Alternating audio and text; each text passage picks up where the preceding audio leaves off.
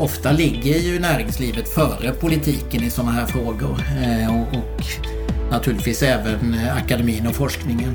Men man ska inte bortse ifrån att eh, det allmänna har en otroligt viktig roll här som kravställare och som uppdragsgivare. Och vi, vi tycker till exempel att det är rimligt att man i offentlig upphandling av, av vilka produkter det nu än månde vara ska ställa oerhört stora krav på miljö och hållbarhet. Eh, dels för att det är rätt sak att göra men dels också för att det driver utvecklingen i, i branscherna och kommer göra svenska företag mer konkurrenskraftiga.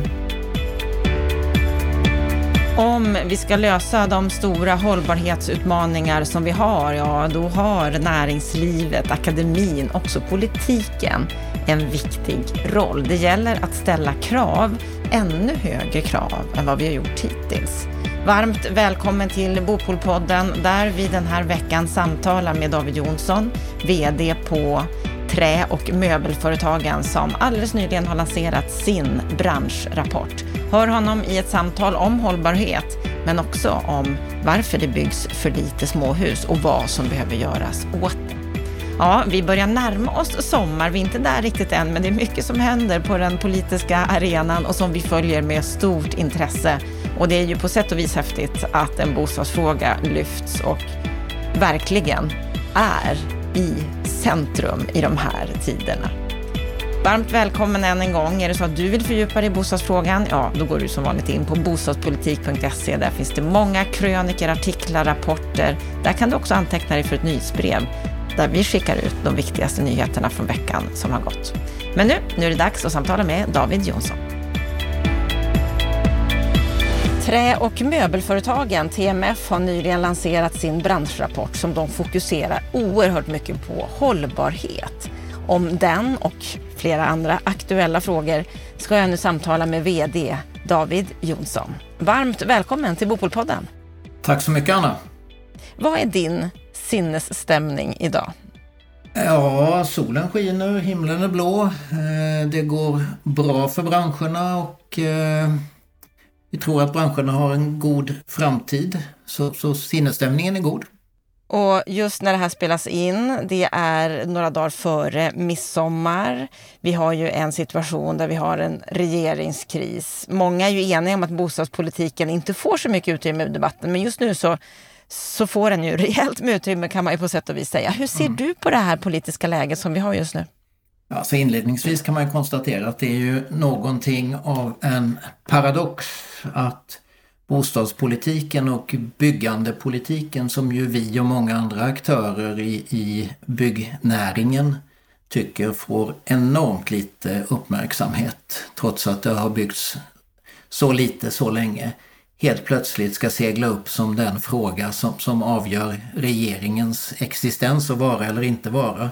Och dessutom på en fråga som, som för den samlade bostadspolitiken är ganska perifer. Vi, vi är ju precis som många aktörer naturligtvis för en liberalisering av bostadsmarknaden och att, att man i vart fall ser över den sista krigsreglering vi har från 1940-talet. Men, men frågan om införande av marknadshyror i nyproduktion är enligt mitt förmenande inte av den digniteten att eh, den förtjänar en politisk kris. Hade du önskat att det var andra frågor som snarare var högst upp på agendan? Alltså jag skulle ju önska att, att eh, man, man, man, tar ett samlat grepp om bostadspolitiken och att, att bostadspolitiken får en, en större och viktigare plats eh, på den politiska agendan. Det är en viktig fråga hur folk bor, hur folk finansierar sitt boende, vad som byggs och hur folk ska ha råd med det här. Och det är också en fråga där, där det finns, eh, alltså bortsett från de sociala faktorerna så finns det också en väldigt stor hållbarhetsfråga gömd i det här. Vi talar väldigt mycket om eh, flyget och flygets klimatpåverkan men talar väldigt, som, som ligger på i, i runda svängar, slängar 2-3 procent kanske av landets samlade koldioxidutsläpp. Men vi talar väldigt lite om att byggandet bidrar med 20 procent. Så, så ja, eh, byggandet förtjänar en, en större plats på den politiska agendan. Mm, vi får se om den här frågan, eller det som händer just nu då, eh, på högsta politiska nivå, kan det bidra till det tror du? Kan vi bli mer intresserade av bostadspolitiken och att den hamnar högre på agendan? Ja, vi, alltså, vi från, från TMF och tror jag många andra aktörer i byggnäringen är ofta förvånade över att den inte ligger högre. Det, det är liksom, dels är det en gammal politisk paradfråga och det är en fråga som ligger väldigt, väldigt nära väldigt många medborgare. Jag ser bara på mina egna barn som, som nu börjar bli lite flygfärdiga och ska se sig om efter bostad i Stockholm och hur otroligt svårt det är och hur begränsade möjligheter det finns och, och, och vilka närmast fantasiinsatser som krävs av, av unga människor för att ta sig in på bostadsmarknaden. Så i ljuset av det så hoppas jag i alla fall att eh, det här kan bli någon form av eh, bräckjärn för, för att lyfta eh, byggande och boendefrågorna. Sen så brukar jag ju tro det inför för valrörelser att nu det här, det här året, det är nu byggandet kommer hamna i fokus. Men, men det, man, man får ju konstatera att det, inget egentligen av de ledande partierna har en bostadspolitik eh, som ligger nära politikernas tyngsta beslutsfattare. Det är ju ingen slump att socialdemokratin till exempel, eh, som ju hade bostadsfrågan som en av, av sina stora, stora frågor i, i byggandet av det nya samhället, att de har släppt den helt och hållet. Motsvarande ser det ut hos de flesta politiska partier. Det, det är ju det är ett par mandatperioder sedan vi hade en bostadsminister som drev frågorna hårt. Tyvärr.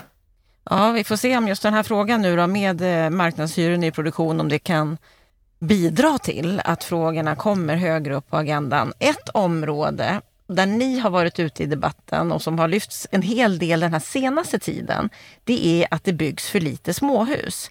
I mm. en debattartikel i Västerbottens-Kuriren bland annat så skrev du och din kollega Gustav Edgren att bostadspolitiken struntar i att de flesta vill bo i småhus.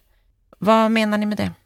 Ja, där lutar vi oss faktiskt mot statistik som inte bara är vår egen utan som är även SCB och SCB har, har, tittat på. Jag tror även att SBAB har, har undersökt frågan där man över tid vet att sju av tio svenskar vill bo i egna hus.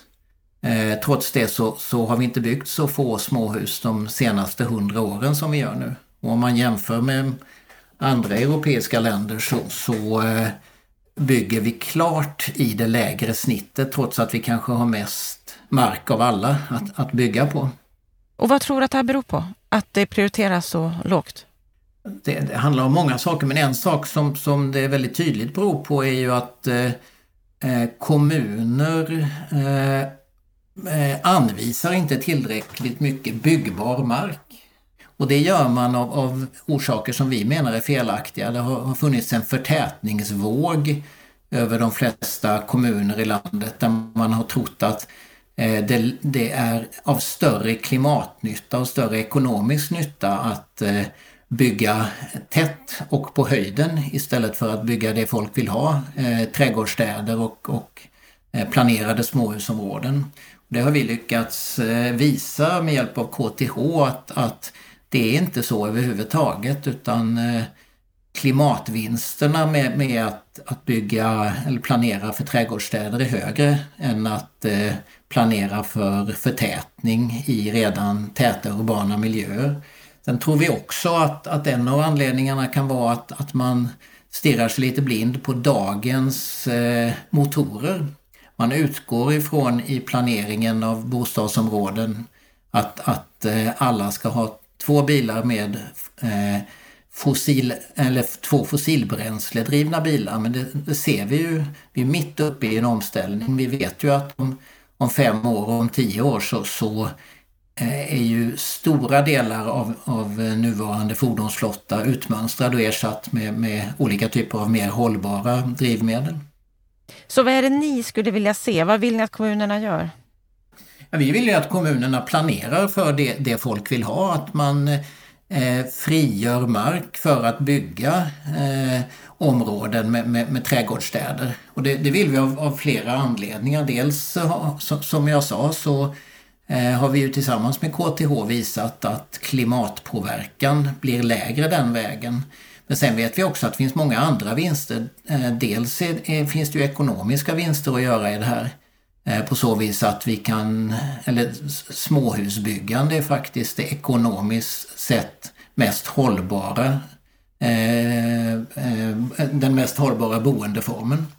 Det, det är ju få, eh, förutom politiker, som tror att, man, att det går att bygga billiga hyresrätter. Eh, så, så, så är det ju faktiskt inte. Eh, sen vill vi också att politiken ska, ska tänka lite på den sociala hållbarheten. Vi vet att eh, eh, bygger man trädgårdsstäder och motsvarande områden då är den upplevda tryggheten mycket, mycket större. Eh, vi vet att, att folk eh, som bor i sådana områden eh, upplever en annan säkerhet, en annan trygghet och det tycker vi man bör uppmärksamma i tider när, när eh, folk känner en osäkerhet kring sin egen trygghet och säkerhetsfråga. Men är det inte så att om en, en byggentreprenör som ska bygga, att det faktiskt är mer lönsamt att bygga exempelvis bostadsrätter istället för småhus? Ja, fast det där, det där beror ju också på att, så kan det vara här och var det. Eh, men en orsak till det, det är ju naturligtvis att markpriserna, eh, vi har ett kommunalt eh, planmonopol och ett kommunalt markmonopol.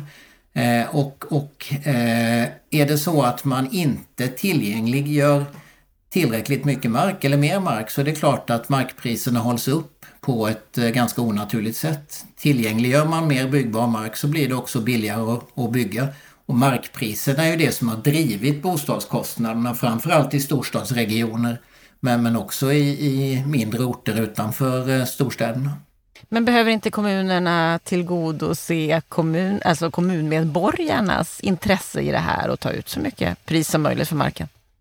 Ja, alltså man kan ha olika perspektiv på det här. Man, man kan ha dels det så att säga, fiskala bokföringsmässiga perspektivet och bara se varje försäljning eh, so, som en, en, sak för sig. Men man kan också fundera på värdet av att få in eh, skattebetalare i sin kommun som bidrar aktivt. Eh, och man kan titta på hur det ser ut i Göteborg till exempel där, där eh, små, småbarnsfamiljer, medelinkomsttagare aktivt lämnar staden för att man inte har råd att köpa en bostad i staden. Och det kan ju knappast vara att ta hänsyn vare sig till kommunens invånare eller till kommunens egen ekonomi. Och där har man ju faktiskt också tänkt om och, och börjat satsa och planlägga ganska ambitiöst för småhusområden. Det händer saker i Göteborg, det händer mycket i debatten i den här frågan. Kommer vi se en förändring tror du? Eh, ja, det tror jag faktiskt. Vi, vi, eh, vi tycker att vi har eh, Eh, lyckats sätta den här frågan på, på agendan hos ganska många politiska eh, partier och vi, vi, vi, tyck, vi tror oss veta att trycket ökar mot politiken att eh, bygga det folk vill ha. Det vill säga eh, sju av tio svenskar vill faktiskt över tid bo i egna hus. Och vi, vi tycker också att klimatfrågan talar för eh, den här typen av lösningar. Sen har vi också sett att under, under pandemin så, så har intresset ökat eh, för att flytta ut från de centrala städerna. Man, man flyttar till kommunernas förorter, man flyttar till kranskommuner, till storstäderna. Därför att man vill ha mer utrymme. Digitaliseringen gör det möjligt att arbeta hemifrån och då är det väldigt svårt att eh, bo i trånga lägenheter i innerstan. Och sen så tror vi också att det finns en, en känsla av ökad säkerhet att, att, att ha lite mer utrymme helt enkelt och kanske inte bo så tätt som, som eh, man har gjort tidigare. Men tror du att det här kommer hålla i sig när pandemin är över? Alltså så här, jag tror att digitaliseringstrenden Eh, kommer hålla i sig. Eh, jag tillhör inte de som tror att, att alla alltid kommer att arbeta hemma långt, långt därifrån. Men jag tror att pandemin har visat att eh, för många yrkeskategorier så fungerar väldigt många arbetsuppgifter att, att sköta hemifrån genom en, en, en digitalisering som bland annat pandemin har drivit som, och som vi stod och väntade på ändå men, men där pandemin har varit en katalysator. Och det tror jag eh, kommer hålla i sig och det tror jag kommer också göra att, att folk eh, kommer behöva lite mer utrymme helt enkelt. Du pratar mycket om detta med, med hållbarhet, vikten av det och att bygga mer småhus kan ju då vara väldigt fördelaktigt ur ett hållbarhetsperspektiv. Och det är ju inte bara småhus som vi bygger i trä idag. Vi ser ju ett skifte här där även mm. stora kontorshus, stora höghus byggs i trä. Vad skulle du säga att det här skiftet betyder? Det är oerhört viktigt eh, och betyder väldigt, väldigt mycket. Som jag sa innan så eh, Byggandets klimatpåverkan är ungefär 20% av landets koldioxidutsläpp och det handlar om allt från materialval till transporter. Eh, och, kan man få en bestående förändring eh, så, så att en ökad andel av byggandet, både på vad ska jag säga, i flerfamiljshus och i kontorshus men även kommersiella lokaler. Jag såg senast idag att ICA skulle bygga sin nya Kvantumbutik eh, i en kommun utanför Stockholm. Helt i trä till exempel. Lidl har varit ledande här. Eh, det kommer ju naturligtvis föra med sig väldigt positiva klimateffekter. Sen är inte jag eh, någon trätaliban på något sätt. Eh, Trä är ett fantastiskt material och ett fantastiskt byggmaterial men jag tror att framtiden ligger inte i trä eller inte i betong eller inte i stål utan det ligger i kombinationer med, med, ny, med de här materialen men också med material som vi kanske inte känner till så mycket om idag, kompositer och liknande. Men att, att eh, det ök, den ökade miljö och klimatmedvetenheten och hållbarheten kommer leda till ett ökat byggande i trä. Det tror jag är nästan oundvikligt. Och till skillnad från många andra byggmaterial Eh, så, så, där man har fantastiskt fina och ambitiösa projekt i klimatomställningsfrågan och, och de här materialen ska bli fossilfria så är ju trä redan framme faktiskt. Samtidigt så har vi ett läge just nu där trävarupriset har skjutit i höjden rejält. Mm. Det är svårt att få tag på trä och dessutom väldigt dyrt. Hur ser du på den situationen? Det är helt riktigt eh, och det beror ju på många saker. Det beror på handelshinder mellan Kanada och USA, det beror på granbarkborre, det beror på att de internationella handelsvägarna inte riktigt fungerar för tillfället.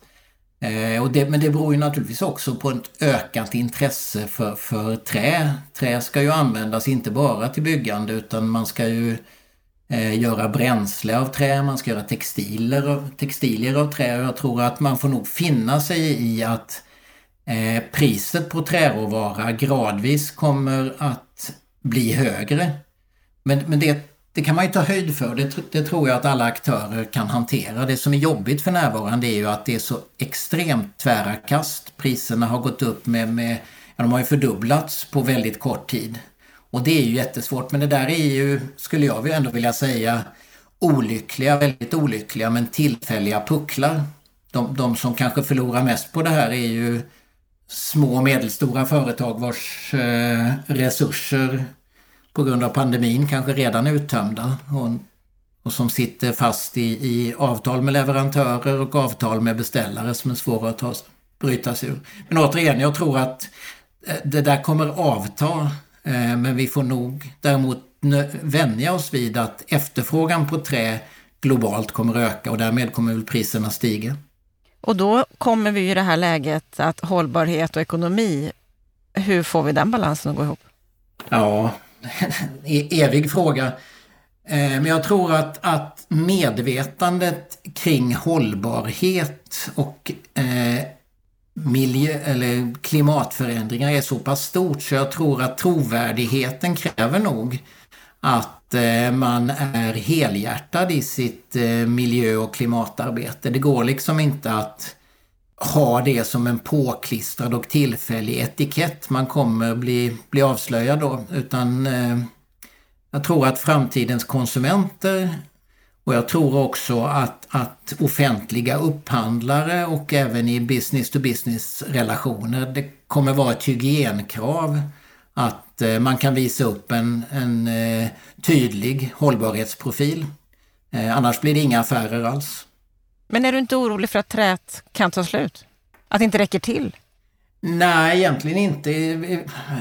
Ur ett svenskt eller ett nordiskt perspektiv så, så eh, kan jag inte se att det skulle kunna hända. Eh, vi har ett väldigt hållbart och aktivt skogsbruk där, där man planterar tre nya träd för varje träd som, som eh, sågas ner.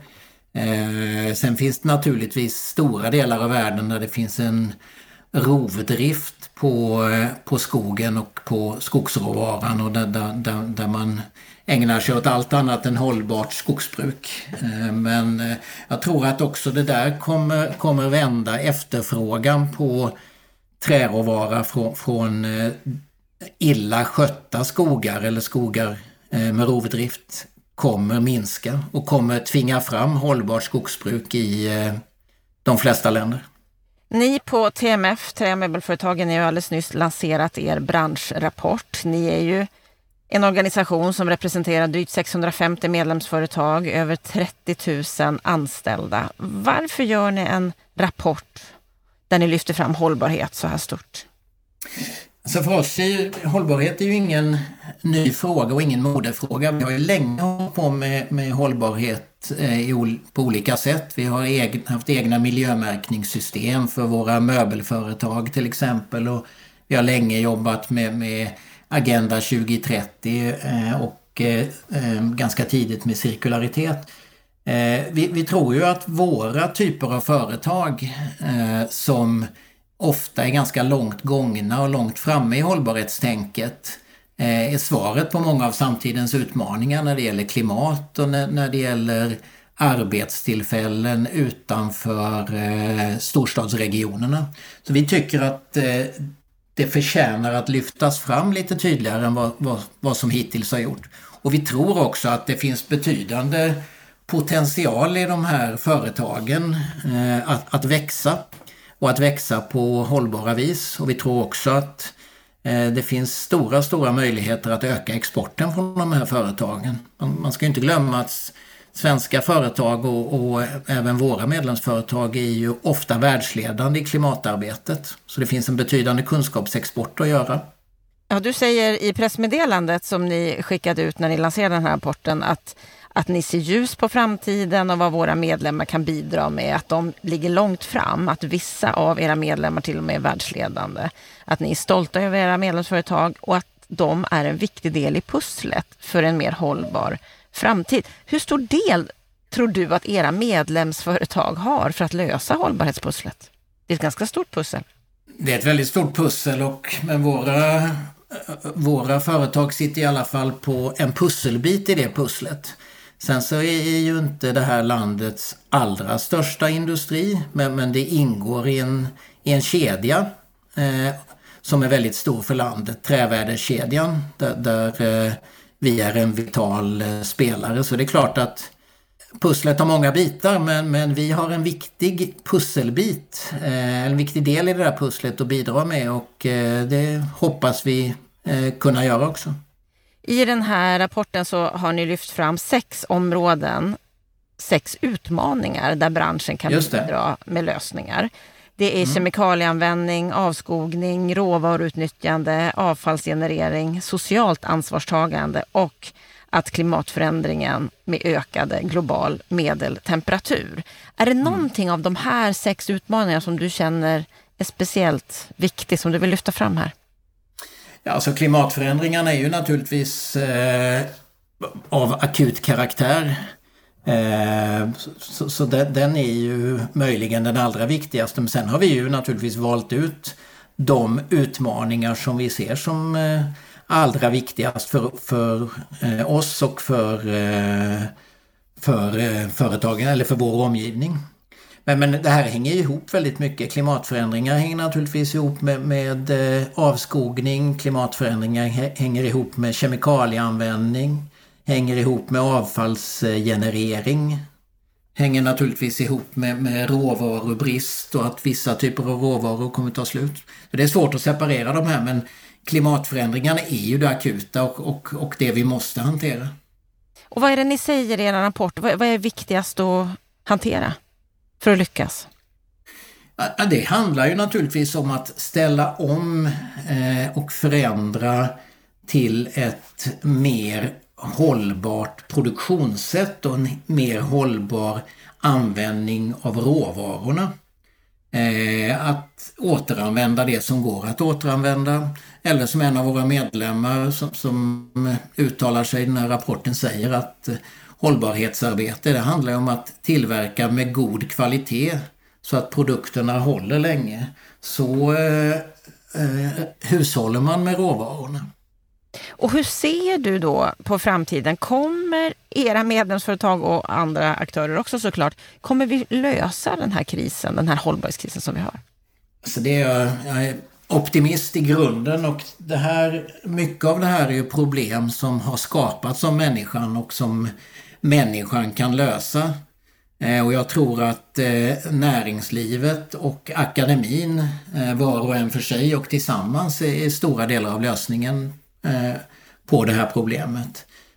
Ofta ligger ju näringslivet före politiken i sådana här frågor och naturligtvis även akademin och forskningen. Men man ska inte bortse ifrån att det allmänna har en otroligt viktig roll här som kravställare och som uppdragsgivare. Och vi, vi tycker ju till exempel att det är rimligt att eh, man i offentlig upphandling av, av eh, vilka produkter det nu än månde vara ska ställa oerhört stora krav på miljö och hållbarhet. Eh, dels för att det är rätt sak att göra men dels också för att det driver utvecklingen i, i branscherna och kommer göra svenska företag mer konkurrenskraftiga. Men vilken roll har då politiken? Politiken ska vara kravställare. Politiken ska, ska eh, peka ut ett mål som jag ser det men, men målet, hur målet ska uppnås, där tror jag att både näringslivet och akademin är bättre skickade att lösa de bitarna. Helt enkelt för att man, man, man är, är, mer snabbfotad, man är beredd att eh, titta runt hörnen på ett annat sätt. Finns det någonting som oroar dig här? Jättemycket. Det är, därför, det är därför vi håller på med det här. Det är därför vi, bland annat därför vi tar fram den här rapporten. Vi ser ju att eh, klimatförändringarna eh, hotar världen som, som eh, vi känner den. Eh, så, så, det är klart att det finns väldigt mycket som är oroväckande men det betyder inte att man kan lägga sig ner och, eh, och dö eller, eller låta utvecklingen fortsätta vara dålig utan jag, jag tillhör ju de som tror att som sagt mänskliga problem går att lösa av, av människor och att eh, ett innovativt näringsliv och en, en, eh, innovativ forskning kan lösa väldigt mycket av det här. Så vad skulle du vilja se, se, att politikerna gör? Vi har ju drygt ett år nu till nästa val, eller det kan ju bli ett extraval, det får vi se först. Ja, Men inför, inför val, alltså, vad skulle du vilja se för konkreta actions här? Alltså jag vill se en långsiktighet i eh, miljö och hållbarhetspolitiken. En, en, politik som inte går ut på att eh, göra snabba, korta vinster för att eh, förefalla trovärdiga eh, just inför ett extraval eller ett val. Långsiktiga eh, spelregler, ett globalt samarbete. Eh, jag tror att värdet av, av frihandel och fri rörlighet eh, ska inte underskattas i de här sakerna, i, i de här sammanhangen. Öppna, fria ekonomier är det bästa sättet att eh, förändra tillstånden faktiskt. Och vad skulle du vilja se att näringslivet, branschen gör mer? Jag fortsätter. Och jag menar det finns ju stora, många av våra medlemsföretag som naturligtvis är sena på bollen och kanske inte riktigt har vaknat upp. Och det finns säkert en och annan som jobbar med, med dåliga kemikalier och, och annat snusk. Men eh, jag tror att ett näringsliv som nu har fått upp farten, eh, som har identifierat frågorna, det, alltså det är bara att titta på de gigantiska projekten som, som nu lanseras, inte minst i norra Sverige där man ska tillverka fossilfritt stål. Eh, vi vet att, att, att andra eh, material har lika ambitiösa projekt. Eh, så, så näringslivet har, har fått upp andan och jag tror att det är näringsliv ihop med, med forskning som sagt som kommer lösa det. Men, men det förutsätter eh, också politik och en sak där, där politiken eh, har en absolut avgörande roll det är ju infrastrukturfrågan och då talar jag inte bara om vägar och järnvägar för det är naturligtvis viktigt men om sådana grundläggande saker som att säkerställa tillgången till energi till konkurrenskraftiga priser i hela landet och en energi som finns när företag och för all del medborgare behöver den. Det är en jätteutmaning. Hela den här klimatomställningen kommer ju sannolikt leda till att vi kommer eh, fördubbla vårt behov av energi. Och att i den situationen eh, lägga ner fungerande energislag eh, är ju ganska komplicerat. Ja, det finns mycket att göra, mycket att ta hänsyn till och du säger ju att du är orolig för många saker samtidigt som om jag tolkar dig rätt så är du positiv. Absolut. Jag tycker att pandemin är ett bra exempel på människors och mänsklighetens fantastiska förmåga att, att, att anpassa sig.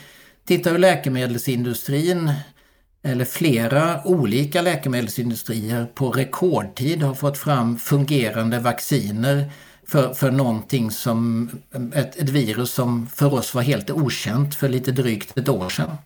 Eh, det, jag tycker det är ett fantastiskt exempel på hur mänskligheten eh, är anpassningsbar och förändringsbenägen och, och, innovativ. Och det tror jag man kommer vara i, i hållbarhetsarbetet framöver också.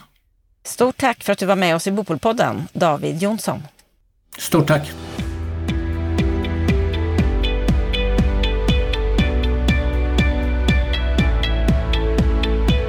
Då har vi hört samtalet med David Jonsson på TMF. Vad säger du om det här samtalet, Lennart Weiss?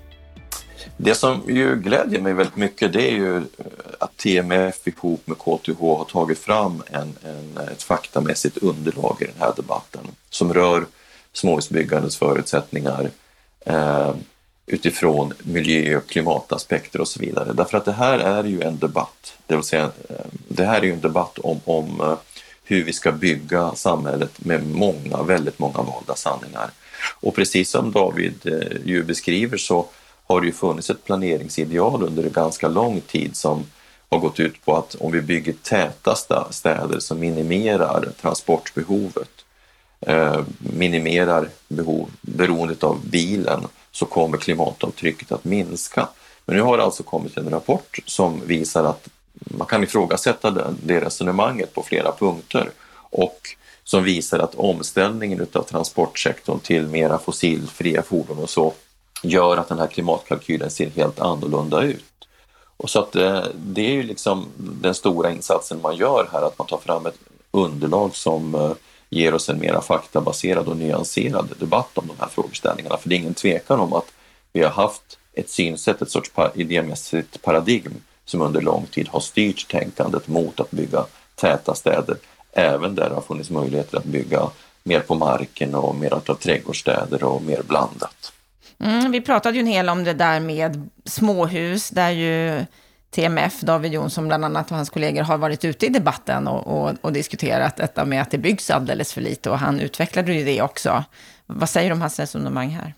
Ja, jag håller ju med om hans resonemang därför att eh, vi vet från eh, massa olika undersökningar att eh, människor, inte minst barnfamiljer, vill bo i småhus. De vill bo eh, marknära, de vill bo i, i en lugnare miljö än, än, än uh, urbant. Jag menar, det urbana livet föredras ju ofta utav singlar och par i yngre eller äldre ålder. Eh, men när man är barnfamilj då vill man ju gärna bo på ett helt annat sätt. Så att, eh, han har ju gott stöd liksom, i den nya rapporten för det synsättet och jag tycker att det är bra att vi får en ordentlig debatt om de här sakerna för att eh, småhusbyggandet har minskat väldigt mycket under de senaste 15 åren. Och det är ett utslag av två saker. Dels ett ändrat planeringsideal hos kommunerna, men man ska inte heller glömma bort att en annan faktor som har spelat roll här, det är ju bolånetaket som i ett slag gjorde det mycket, mycket svårare för unga par som skulle bilda familj att skaffa ett småhus. De hade helt enkelt inte kontantinsatsen utan har tvingats trycka in sig i små ettor eller små tvåor istället, det vill säga en helt olämplig boendeform för en barnfamilj. Men tyvärr har ju så att säga eh, både Finansinspektionen och eh, kommunernas planavdelningar dragit åt samma håll här. Och det har fått den här effekten som nu äntligen börjar ställas under debatt. Och det tycker jag är bra. och när det gäller det här med träet, vi tar ju ofta fram det som att vi måste bygga mer i trä, det är så bra för vår miljö, samtidigt som vi också ser det här som, som vi berörde, att, att träet är svårare att få tag på och det har blivit mycket dyrare nu. Vi har en brist på trä då. Kan vi driva ja, det... trälinjen lika hårt? Jo, men det kan vi därför att den, den brist eh, som vi har just nu, eller obalans mellan tillgång och efterfrågan, den får man nog ändå säga är relativt tillfällig. Ehm, det har koppling till pandemin och som, eh, som David sa även till, till, till eh, granbarkborreangrepp eh, i vissa skogsregioner och så. Men det där tror jag är av övergående natur. Eh, tvärtom så det sker ju liksom en satsning på uthålligt skogsbruk eh, egentligen på, på många ställen runt om i världen idag. Inte minst så har vi tillgång till, till skogsråvara i hela eh, norra Europa och inkluderar vi Polen och Ryssland och så vidare så har vi enorma skogsarealer som är en enorm tillgång. Så att eh, det är helt rätt, men jag tror ju när, det, när pratar vi om lösningen så är det ingen tvekan om att det som David är inne på med olika typer av hybridlösningar är det som kommer liksom att eh, bli melodin framöver. Vi kommer knappast att bygga flerfamiljshus helt i trä utan vi kommer att ha kombinationer utav eh, betong och trä i stommarna och sen kommer vi använda mer och mer trämaterial och det kanske kommer då, som sagt även nya varianter kompositmaterial. Så det är en utveckling som, som kommer och som man ska välkomna. Eh, men sen så är det ju också som David säger att eh, vi är ju på väg att eh, sakteliga få fram fossilfritt stål och vi också får fram eh, fossilneutral eh, cementframställning så kommer det också vara ett stort framsteg för hela klimatomställningen. Så att det, har ju, det är ju en helt annan kraft i, i den här utvecklingen idag än det var, bara var för några år sedan. Så att det som ju sker här nu är extremt hoppingivande inför hela klimatkrisen. Mm, han berättar också att han är väldigt hoppfull, att han är optimistisk, även om det finns några orosmoln såklart. Delar du hans optimism? Ja, både ja och nej. Alltså, klimatfrågan är faktiskt en, en sak som har följt med mig ända sedan jag blev politiskt aktiv för väldigt många, många år sedan. Och, och eh, jag, var, jag, jag, läste liksom rön om, om, klimatkrisen väldigt, väldigt tidigt så att för mig är ju utvecklingen inte alls överraskande. Det som ju är oroande nu det är ju att eh, det ser ut som att klimatkrisen accelererar. Alltså att vi, vi kommer snabbare mot en tipping point eller flera tipping points i vår miljö än vad man har sagt. Och det är inte så konstigt därför att de internationella rapporterna som publiceras utav FN, de är ju konsensusskrivna. Alltså det, skriver, man landar i slutsatser som är ett genomsnitt mellan vad olika forskare säger. Men pratar du med forskarna mellan skål och vägg så är de ju oerhört mycket mer bekymrade än vad som kommer till uttryck i de här rapporterna. Och nu sipprar det ju fram att läget i Antarktis och när det gäller Amazonas skogar och vad det nu är, är och i världshaven är mycket, mycket allvarligare än vad man har trott och det bekymrar mig. Så det finns kanske en risk att de här nödvändiga tekniska genombrotten kommer något för sent och då kommer vi att få dramatiska effekter redan framåt 2050 och det är ju för de yngre i varje fall inom överblickbar livstid och det är ju extremt allvarligt. Mm, det finns mycket att göra, mycket att sätta fokus på och eh, det har ju då bland annat TMF gjort i den här hållbarhetsrapporten. Då har vi hört kommentaren på samtalet. Då är det dags att få höra en repris av veckans Aktuellt som vi sände i torsdags. Det är onekligen spännande läge i vårt land just nu med regeringskris där ju en bostadsfråga har varit orsaken till denna kris. Vad säger du om regeringskrisen just nu så här dagen före midsommarafton, Lennart Weiss? Uh, ja, det här är ju fortfarande extremt svårt att, att, att se slutet på än så länge. Det tog en dramatisk och mycket spännande vändning igår.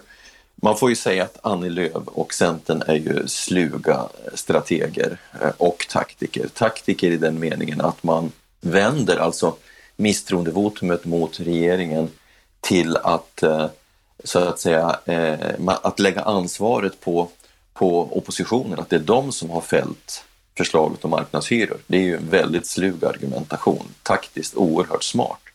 Men sen vänder hon ju det till en strategisk fördel då, Annie Lööf, genom att sen lyfta fram ett antal villkor för Centerns fortsatta stöd till regeringen där hon ju lyfter fram klassiskt liberala borgerliga frågor som sänkt inkomstskatt och hon väljer ju till och med att provocera finansministern genom att eh, föreslå sänkt skatt på ISK-sparande i ett läge när eh, Magdalena Andersson alldeles nyligen har föreslagit höjd skatt. Det är en ren provokation. Och det är en medveten provokation. Hon tror ju inte att hon kommer att få gehör för den ståndpunkten utan genom att skicka fram den så markerar hon en borgerlig ståndpunkt och så räknar hon med att hon ska få något annat. Så det här är alltså taktik och strategi på en väldigt avancerad nivå. När vi läser Aftonbladet och Lennart, eller Lena Melin så håller hon inte alls med där. Hon menar att Lövs räddningsaktion misslyckades, att Sverige ser ut att gå mot nyval. Att Centerledaren Annie Lööf gör sitt yttersta för att hjälpa Stefan Löfven, men att det här fungerar inte för att hon inte får med sig Liberalerna.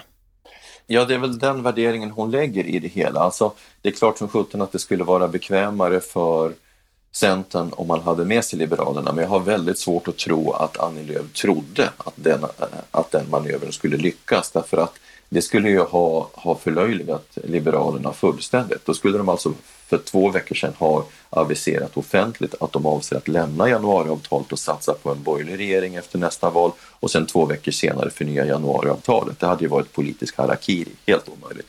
Men den här räddningsaktionen, om det är det man ska kalla den för, den kan ju fortfarande lyckas därför att om du räknar mandaten i riksdagen så har alltså S, C, V, MP 175 mandat.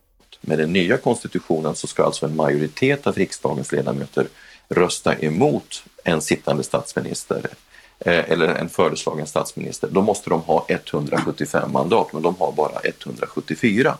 Så att eh, det finns faktiskt en, en lövtunn eh, marginal för eh, Löfven om det är så att de här fyra partierna kan enas om att, eh, att, att inte rösta emot honom.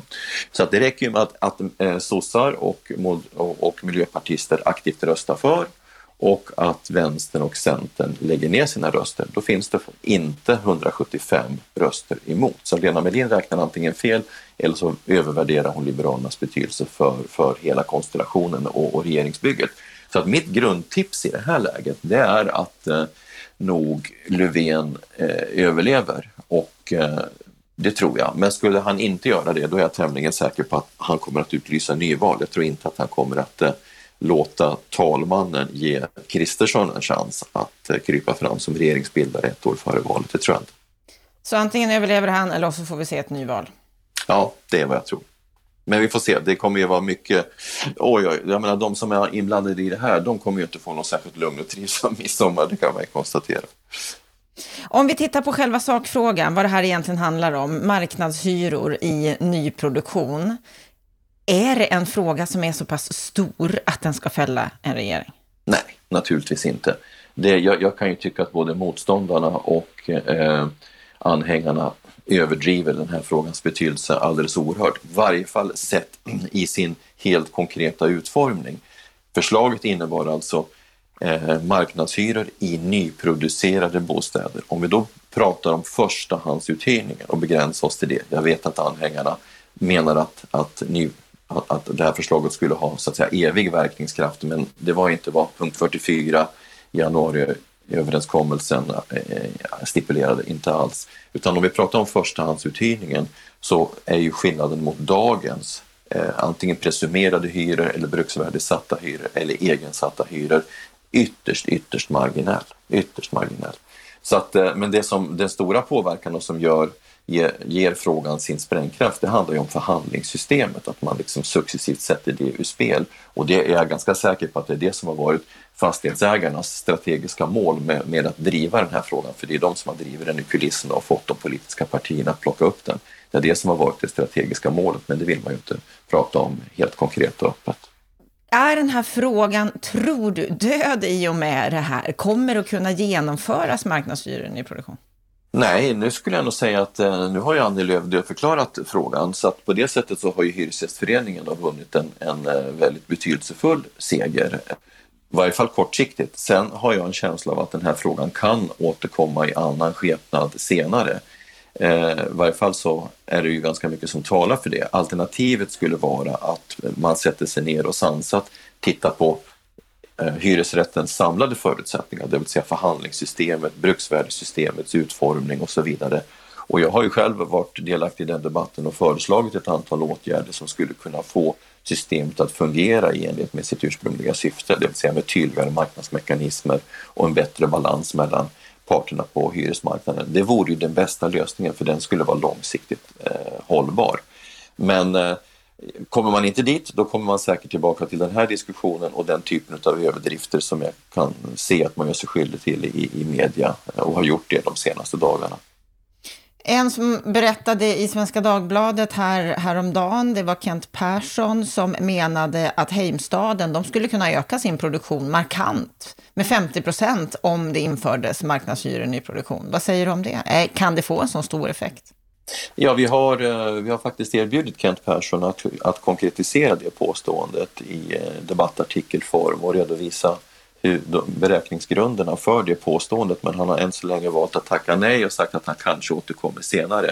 Jag är helt övertygad om att det inte går att visa med någon form av faktamässigt underlag utan det skulle jag nog påstå är ett ganska så politiskt laddat uttalande.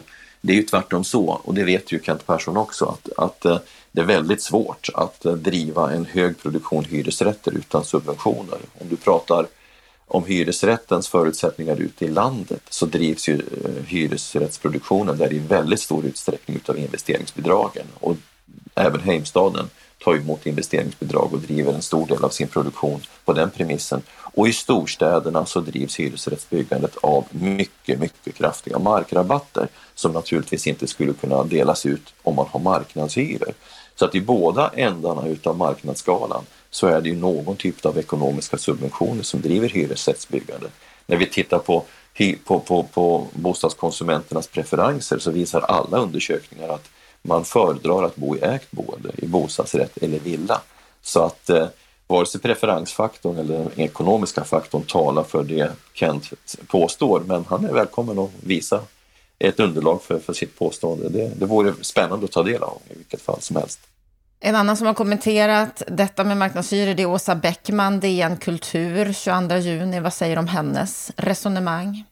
Alltså, hon lyfter ju fram en, en, argumentation på en kultursida som ju vittnar om att bostadsfrågan kanske är på väg att bli en bredare politisk fråga.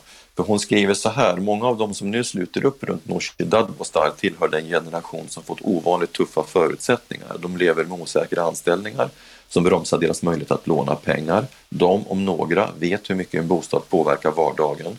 Med en måttlig hyra kan de enklare växla, eh, kan de enklare växla liv, skilja sig, bryta upp, studera. De här unga menar, att allt, menar allt mer ihärdigt att billiga bostäder är något som ett samhälle måste kunna erbjuda.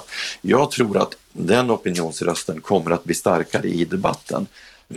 Det är bara ett problem. Det går inte att leverera eh, billiga hyror eh, för unga människor utan att skapa någon typ av särlösningar. Antingen får man införa social housing av kontinentaleuropeisk modell eller så måste man helt enkelt styra återstoden av de billiga bostäderna som finns i beståndet till ungdomar. Och det finns det ju exempel på. Jag tillhör ju själv någon som tycker att eh, den här modellen som tillämpas av Stockholms bostadsförmedling där man, tilldelar, där man avdelar en del utav eh, de, de förmedlade bostäderna till ungdomar eh, med tidsbegränsade kontrakt. Det är en modell som jag tycker man skulle kunna öka. Det finns ingen anledning att förmedla alla bostäder efter kö, så att säga, efter kötid.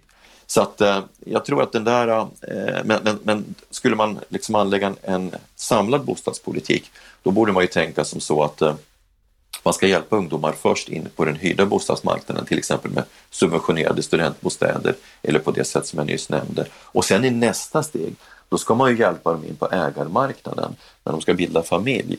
Då är ju det den mest attraktiva eh, boendelösningen som ger den bästa boendeekonomin. Så det är den här typen av helhetssyn som, som skulle behövas och man kan ju bara hoppas att den debatt som vi nu har gått igenom eh, väcker intresse för att skapa den sortens helhetslösningar. För förslagen finns på borden och kunskapen om hur det där skulle gå till, den är välkänd. Ett annat område som vi har varit inne i mycket, mycket, mycket senaste tiden, det är ju detta med kreditrestriktioner och så vidare. Och kredit, kritiken mot Finansinspektionen har ju varit enorm från många bostadsdebattörer. Nu har det kommit en ny rapport från Finansinspektionen, 10 juli kom den, och Robert Boye på SBAB, chefekonom där, han kommenterade den här rapporten i realtid i måndags och säger att det är en väldigt välkommen rapport. Ja, den är till och med sensationell skulle jag säga, därför att den här rapporten som alltså då ligger på Finansinspektionens hemsida, den publicerades den 10 juni, den belyser då både riskerna med hushållens bolåneskulder och effektiviteten i de åtgärder som har vidtagits för att minska eh, riskerna. Och det intressanta är att den är skriven av två tunga tjänstemän på Finansinspektionen och därtill eh, tillsammans med då tre stycken externa personer från Handelshögskolan och Stockholms universitet. Och där går man ju igenom flera utav de argument som, som vi då fäktar om i debatten. Eh, man går igenom flera av de argument som Finansinspektionen själva har drivit och nyanserar bilden av problemen. Vi kan ta några exempel. Till exempel så har ju då Finansinspektionen drivit den uppfattningen att amorteringarna ökar hushållens motståndskraft. Här nyanserar man ju och hävdar att, att det kan vara precis tvärtom, att, att amorteringar i ett visst skede av livet kan minska hushållens motståndskraft, det vill säga de är kontraproduktiva, precis vad, eh, i enlighet med vad Lars Jo Svensson har sagt. Eh, finans, eh, Riksbanken har ju hävdat att rörliga räntor ökar hushållens eh, utsatthet i en ekonomisk störning. Men tvärtom så säger den här rapporten att rörliga räntor ökar ju effektiviteten i penningpolitiken helt enkelt därför att i en lågkonjunktur så får man ju då förvänta sig att Riksbanken kommer att sänka räntan och då blir ju alltså eh, då skulle ju så att säga penningpolitiken bli mindre effektiv om hushållen satt med bundna räntor. Man tar upp det här med skuldkvoten som ett evigt ämne, ett, ett evigt, evigt slagträ i debatten att med det resonemanget att en hög skuldkvot per automatik skulle öka riskerna i ekonomin och då pekar man ju på att det är inte alls skuldkvoten i sig som har betydelse utan det är ju räntekvoten, det vill säga hushållens, alltså räntornas andel av hushållens disponibla inkomster och de är då på en rekordlåg nivå, 4 procent, och konstaterar att hushållens tillgångar under den här perioden som skuldkvoten har ökat har ju ökat snabbare än skuldtillväxten. Eh, och man tar också upp den här eh, beramade och mycket eh, välbekanta danska rapporten eh, som, som, som då Finansinspektionen brukar hänvisa till. Den här rapporten som alltså eh, påstås hävda att hushållens eh, känslighet ökade med, eh, med höga skulder i Danmark och att krisen då finanskrisen 2008 visade att hushållen drog ner på sin konsumtion och på det sättet förstärkte en kris. Och då går man igenom det här och visar att det inte alls på det sättet utan det beror helt enkelt på vad hushållen använder sina krediter till. Om man på det danska sättet använde eh, hus, bostäderna som en bankomat och så att säga tog ut pengar för, för vanlig hushållskonsumtion, då går den konsumtionen ner vid en kris. Men om man som svenska hushåll tar lån för att köpa en bostad, det är en annan typ av konsumtion. Så att man kan ju säga att den här rapporten sågar ju egentligen de grundläggande påståenden som Finansinspektionen och Riksbanken har anfört i den här debatten. Så det är ett väldigt, väldigt, väldigt viktigt inlägg. Och det man ju kan spekulera i det är ju varför publiceras den nu? Nu, har ju inte, nu gör ju inte Finansinspektionen särskilt mycket reklam för den på sin hemsida, men man kan ju hitta den. Men är det här, är det här ett sätt för Finansinspektionen att nu mjukt lägga om kursen utan att tappa ansiktet? Eller är det här bara en rapport som man har beställt men som man kanske inte hade förutsett resultatet av och som man kommer att gömma undan i byrålådan? Oavsett vad man gör så kommer det få stor betydelse för den fortsatta debatten. För de som har kritiserat Finansinspektionen och Riksbanken har ju observerat den här eh, rapporten och kommer att använda den mycket, mycket kraftfullt som ett slagträ framåt. Så att personligen är jag mycket tacksam för den här rapporten och lika tacksam eh, gentemot Robert Boye att han har lyft fram rapporten i ljuset. Och han avslutar ju sin eh, debattartikel här att nu kan man ju hoppas att den här rapporten också ger ett tydligt avtryck i både Riksbankens och Finansinspektionens stabilitetsrapporter och officiella kommunikation. Tror du att de kommer att göra det eller kommer de att fortsätta mörka? Ja, om de fortsätter att hävda sin gamla tes, då kommer de ju att utsättas för en väldigt hård eh, kritik. Därför att nu har ju, nu, nu har ju kritikerna så att säga ett dokument inifrån systemet självt. Så de kommer ju att få svårare att driva den argumentationen. De kommer att förlora i trovärdighet mot politikerna. Politikerna har ju här fått ett nytt verktyg att luta sig mot. Eh, så att eh, det är definitivt så att den här rapporten sätter dem i ett strategiskt dilemma om det är så att de tänker fortsätta att hävda den gamla ståndpunkten. Eller så är det så att de sakta avser att nyansera beskrivningen av de här problemen, men då kan man ju säga att eh, det är väldigt många som, som hamnar i en genant position, till exempel Finansinspektionens generaldirektör eller dess chefsekonom och samma sak på, på Riksbanken. Så att det, det här är en en potentiell game changer för debatten. Det ska bli mycket intressant att se hur, vilka konsekvenser det får framåt. Ja, det är onekligen mycket som händer på den bostadspolitiska arenan just nu. Vi har regeringskris. Vi har också nya rapporter från Finansinspektionen som kanske kommer att förändra en del i debatten. Vi får se, det är spännande. Vi går snart in i sommar, men vi fortsätter en liten stund till med att rapportera vad som händer. Stort tack för att du lyssnar på oss på Bopolpodden. Med detta så önskar jag dig en riktigt fin vecka.